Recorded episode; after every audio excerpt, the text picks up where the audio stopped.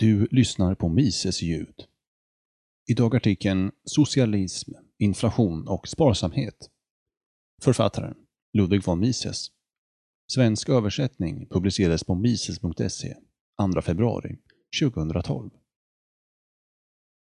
Den största faran för den amerikanska friheten och det amerikanska sättet att leva kommer inte utifrån.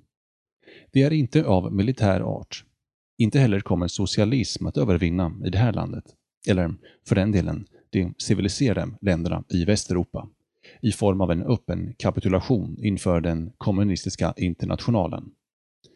De chanser socialismen må ha i USA är ett resultat av våra egna politiska partiers ekonomiska politik, som gradvis undergräver de ekonomiska och sociala grunderna för Amerikas frihet och välstånd. Både de traditionella partierna, Republikanerna och Demokraterna, är ärliga när de intygar sin avsky inför totalitarismen. Väljarna är helt övertygade om att de röstar för politiker som är helt förbundna att bevara konstitutionen och all den frihet den medger när de röstar på ett av dessa partier.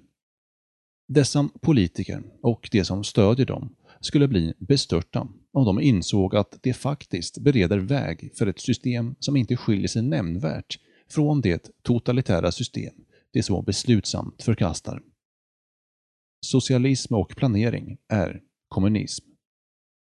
Det fundamentala felslut som förleder dagens politiska tänkande kan ses som den påhittade distinktionen mellan kommunism å ena sidan och socialism och planering å den andra. De två termerna socialism och kommunism är synonymer.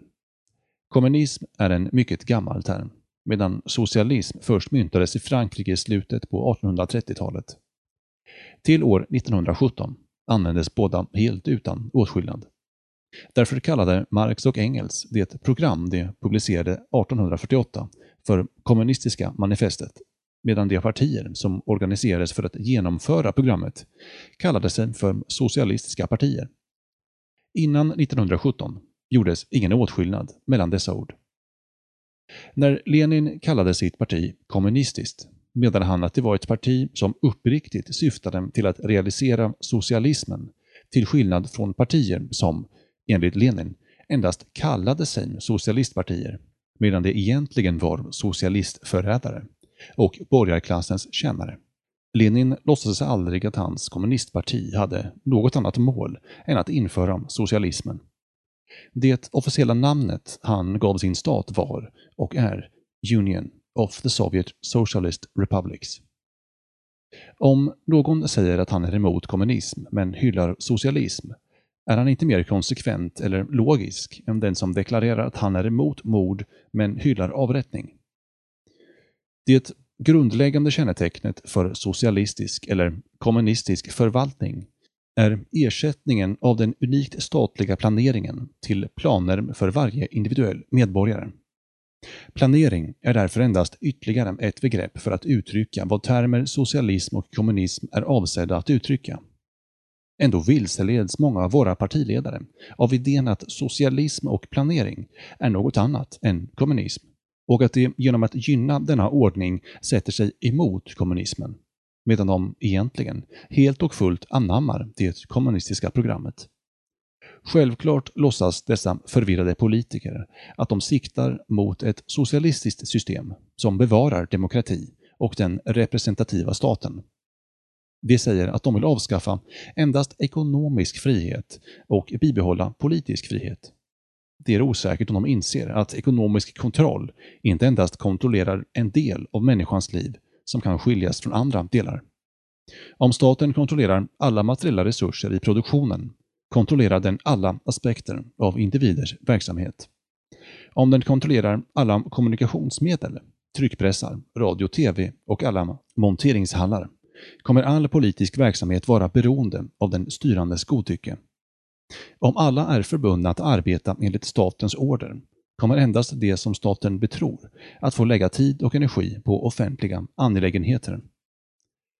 Det är inte en tillfällighet att den representativa staten och medborgerliga rättigheter utvecklades steg för steg när kapitalismen ersatte feodalismen och försvann överallt så snart socialismen, oavsett den högra modellen, tysk nazism och italiensk fascism, eller den vänstra modellen, rysk bolsjevism, trängde undan marknadsekonomin.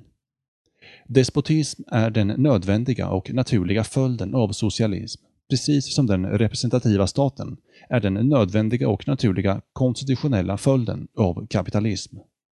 Omedvetet stöd för socialism. Förvisso avser många av ledarna inom vänsterfalangerna i de båda partierna att medvetet avskaffa varje spår av frihet och omvandla Amerika till en fullskalekopia av det sovjetiska systemet. Men de flesta av våra politiker och fotfolket är inte skyldiga till sådana svek. Tvärtom. De är angelägna att bevara det traditionella statssystemet, de fria institutionerna, etablerade av grundlagsfäderna. De institutioner som är fundamentet i detta lands storhet, ära och välstånd. Liksom det var de utmärkande dragen för civilisationen i Västeuropa. Men även dessa uppriktiga förespråkare av frihet undergräver, trots att det är okänt för dem själva, den amerikanska livsstilen. Det ger en hjälpande hand till påstått välgörande ekonomiska beslut, vilka å ena sidan saboterar marknadsekonomins funktion och å andra sidan begränsar individernas självbestämmande genom att öka statens kontroll. Social kontroll, som det kallas med förskönande omskrivning. Det mest skadliga slags ekonomiska politiken är inflation, det vill säga att öka tillgången på pengar och pengasubstitut. Om ytterligare monopolitiska banksedlar ges ut eller om ytterligare saldon skapas har inget ytterligare lagts till det materiella välståndet i ett land. Men de personer i vilka fickor de nyskapade medlen hamnar ges genom detta möjlighet att öka sina inköp. Med andra ord skapas ytterligare efterfrågan på varor och tjänster medan tillgången på sådana varor och tjänster inte har ökat. Det oundvikliga resultatet är att priserna tenderar att gå upp häftigt. Det finns inget behov av att i detalj teckna av de ovälkomna, nej, katastrofala effekterna av ett sådant tillstånd. Alla är bekanta med dem. Alla känner till hur man skadas av dem. Bland förnuftiga människor finns det knappast någon som skulle våga öppet förespråka inflationistisk politik. Trots detta har detta land, USA, liksom de flesta länderna i världen, utfört inflationistiska åtgärder i decennier. Felet vilar på en brist på ansvar och den nyckfulla egenarten hos statsmän och politiker. Liksom på girigheten hos mäktiga påtryckningsgrupper som vill få allmosor från staten. Det ökända ”något för inget”. Staten kan inte spendera utan att folket belastas.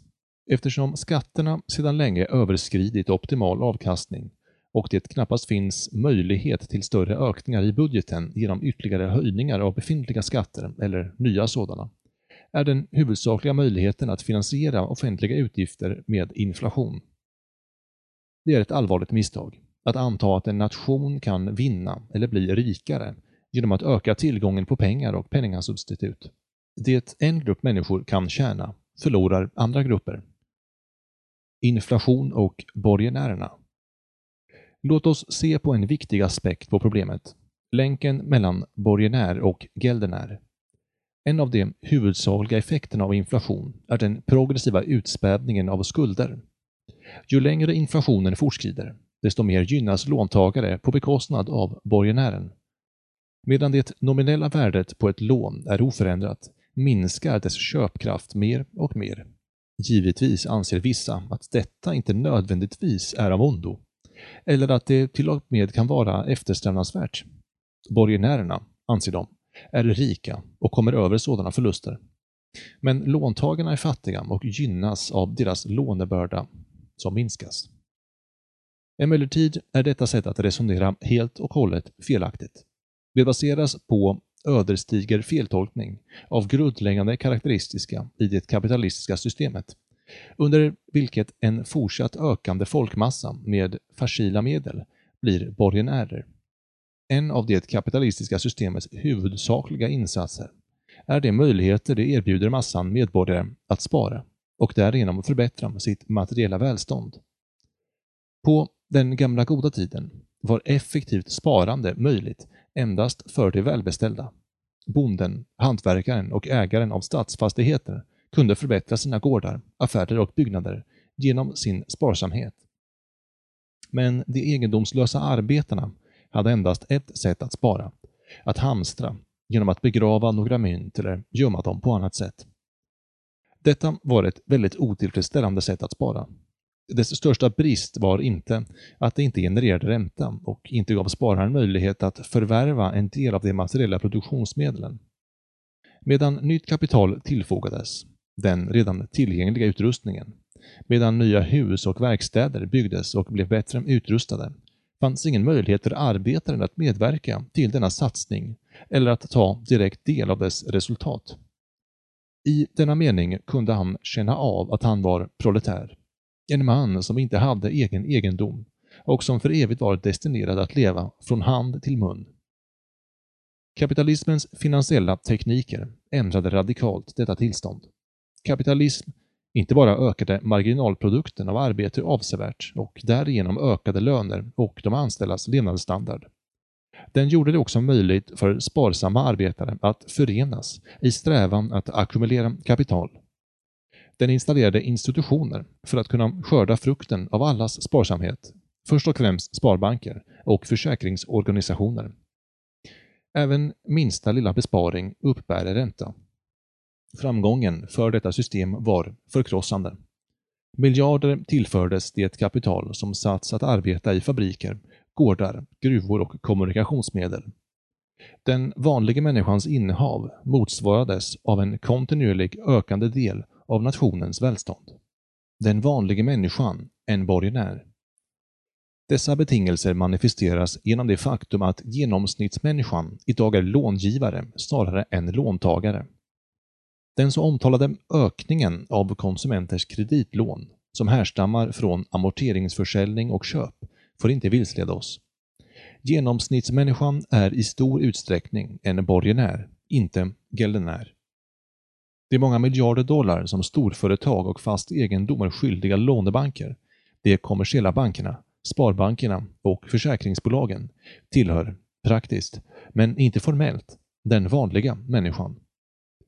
Den vanliga människan äger privata obligationer på samma sätt som hon äger statspapper och realobligationer som ges ut av Riksgäldskontoret, liksom av olika statliga underavdelningar.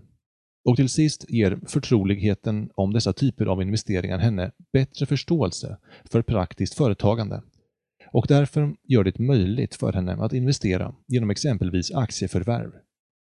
Ett utmärkande drag hos dagens finansiella utveckling aktiehandelsfonder och nära besläktade instrument visar till hur stor del det som kallas riskkapital också blir ett populärt sätt att spara och investera.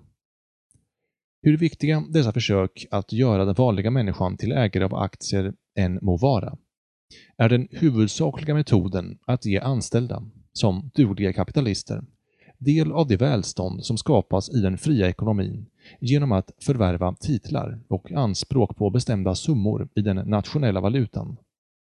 Även ur detta perspektiv förvärvar massan ett ivrigt intresse för det lagliga betalningsmedlens stabilitet. Därför att värdet på alla sorters insatser och förskott, obligationer och försäkringsprogram är oskiljaktigt länkade till dollarns köpkraft.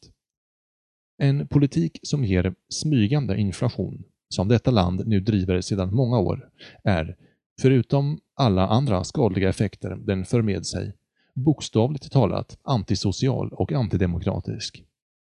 Det är en politik som går emot den vanliga människans vitala materiella intressen. Det skadar allvarligt de förståndiga och plikttrogna lönearbetarna som söker förbättra sin egen och sina familjers lott genom sparsamhet. Med en sund penningpolitik skulle dessa människor bli mer och mer deproletariserade.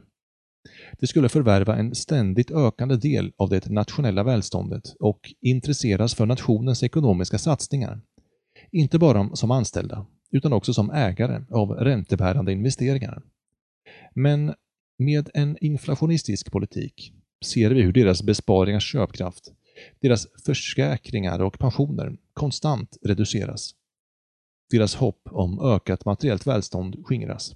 Deras försök att bli en del av det samhällsskikt som genom att spara och ackumulera kapital gemensamt förbättrar ekonomin om inte görs.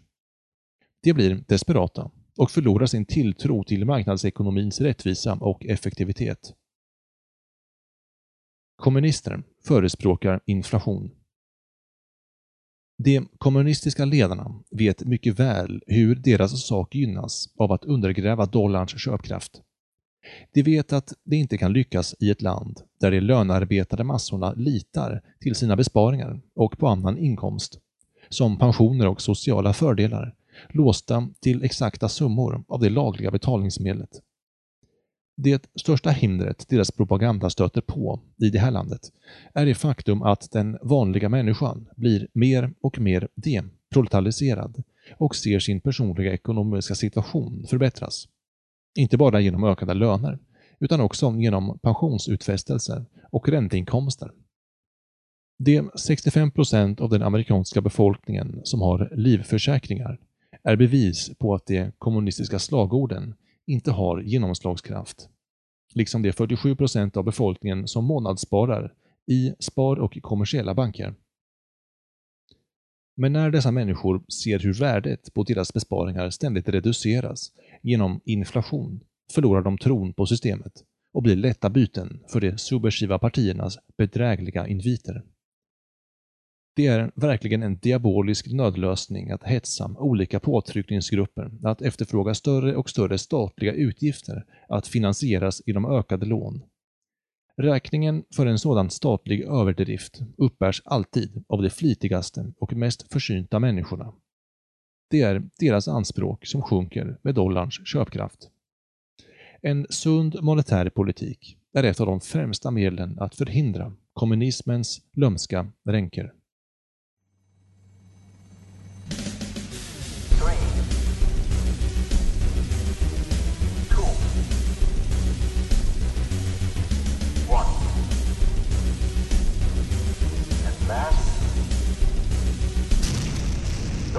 your trusted politics.